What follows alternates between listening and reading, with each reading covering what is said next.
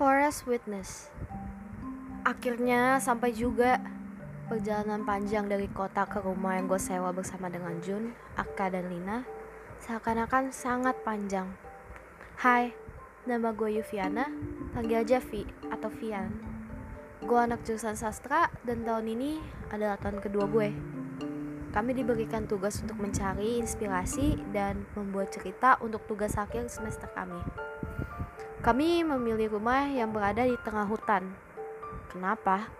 Karena kami menginginkan cerita kami menjadi yang terbaik. Ah gila, akhirnya sampai juga. Yang barusan ngomong namanya Arka. Dia itu kembaran gue. Ya, walaupun bukan kembar yang identik, tapi kami mirip. Dia itu kebanggaan keluarga. Banget. Karena ya karena dia pintar. Bukan cuma kebanggaan keluarga doang, tapi dia juga kebanggaan orang sekitar. Kalau gue ya gue udah kayak Yin dan Yang sama Aka.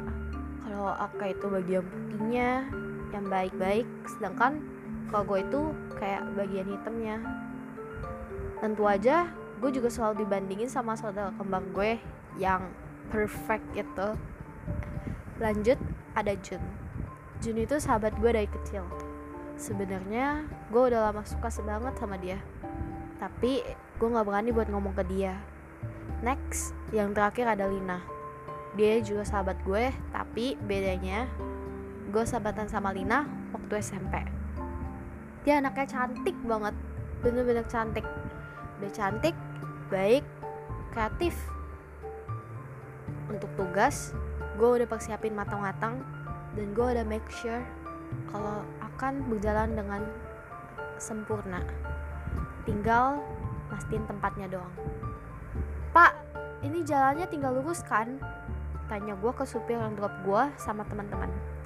Iya dek, tinggal ikutin jalan yang udah ada. Oke pak, makasih ya. Jawab gue sambil ngasih bayaran ke bapak itu. Gue ngeliat sekitar tempat ngamatin. Karena tempat ini bakal gue tinggalin selama seminggu ke depan.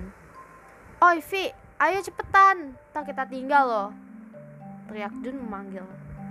Eh iya, tunggu dong. Kita berempat menuju rumah yang udah kita sewa. Arka yang memimpin jalan, disusun oleh Jun dan Lina. Terus gue, gue di bagian belakang sambil ngeliatin jalan dan ngafalin. Sekitar 5 menit dari jalan tadi, kita akhirnya sampai di rumah yang kita sewa. Di luar dugaan, rumahnya gede banget. Udah gitu, pemandangan sekitar juga bagus banget beda dari yang kita lihat di foto. Rumah ini dikelilingi oleh taman bunga yang warna-warni. Gak jauh dari rumah ini, di sebelah kanan ada sungai dan airnya jernih banget, sumpah. Wajar kalau di sini masih jernih sih airnya, soalnya masih belum tercemar, jadi aman buat dikonsumsi juga airnya. Eh, kita lihat bagian dalam rumahnya terus beli kamar yuk ajak Lina yang gue jawab dengan anggukan menandakan bahwa gue setuju. Gila, rumahnya bagus banget, luas lagi. Ya, luas banget. Eh, lihat-lihat rumahnya pencak aja ya. Ntar kalau ada kamar yang kalian mau, tinggal setelin langsung aja, ujar gue. Ya boleh tuh, kalau gitu gue ke lantai dua ya. Gue bareng, bareng lo ya Jun, jawab Lina. Gue eksplor lantai satu deh, kalau gitu gue keluar ya, lihat sekeliling. Jawab gue dengan muka nahan ekspresi. Eh, lo yakin Vi? Gak apa-apa lo. Ini kan tempat asing. Tak lo kenapa-napa gimana? Apalagi lo cewek. Masa lo sendirian sih? Tanya Jun dengan nada khawatir. Astaga, lo perhatian banget sih, ngomong gue dalam hati. Gak apa-apa kok, lagian sekitar sini aman, gue udah nanya sama yang punya. Ya udah deh kalau nggak ada apa-apa kalau ada apa-apa chat ya. Oke. Gue keluar dari rumah. Muka gue udah merah karena kesel. Karena sejak jalan di hutan tadi gue ngeliat Jun dan Lina gandengan tangan. Gue milih buat ngelupain aja kayak biasanya. Dan mulai ngeliat-liat sekitar. Gue muter ke bagian belakang rumah dan ngeliat ada rumah kecil yang agak jauh dari rumah yang gue sewa. Indera gue emang lebih tajam daripada orang biasa jadi gue bisa tahu. Gue jalan sambil ngasih tanda ke pohon agar gue gak kesesat. Rumahnya kayak udah gak kerawat penampakannya bener-bener usang kayak rumah yang udah gak dipakai. Mungkin karena letaknya yang agak jauh. Saat gue buka pintunya ternyata rumah ini tempat penyimpanan. Kayak gudang terpisah. Banyak barang yang udah gak dipakai lagi ditaruh di sini. Udah sekitar 30 menit gue ngeliat sekeliling akhirnya gue mutusin buat balik. Eh Lin lo yakin gak mau ngasih tahu si Vian? Itu kan suara Jun sama Lina. Mereka ngapain di luar? Ngomongin apaan sih? Nanti aja kasih taunya Jun. Gue belum siap ya udah deh terserah lo aja. Obrolan ini ditutup dengan Jun yang memeluk Nila. Hati gue sakit banget ngeliatnya banyak pertanyaan yang pengen gue tanyain ke mereka. Gue nutup mulut gue takut suara tangis gue terdengar oleh mereka. Setelah sejam kemudian gue udah mulai tenang. Gue ke sungai deket rumah dan basahin muka gue sampai gue beneran segar. Eh lo ngapain di sini? Gue kaget dan ngeliat ke belakang. Ternyata Arka. Oh nggak ngapa-ngapain kok. Lo ngapain? Enggak ini gue mau masak jadi mau ambil air dulu. Oh ya udah gue duluan ya.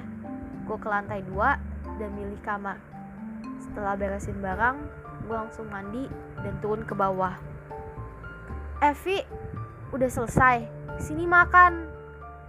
Oh iya gue duduk dan ngambil makan eh btw besok kita mau observasi dulu kan tanya Arka hmm Iya boleh tuh, mungkin 2-3 hari ke depan.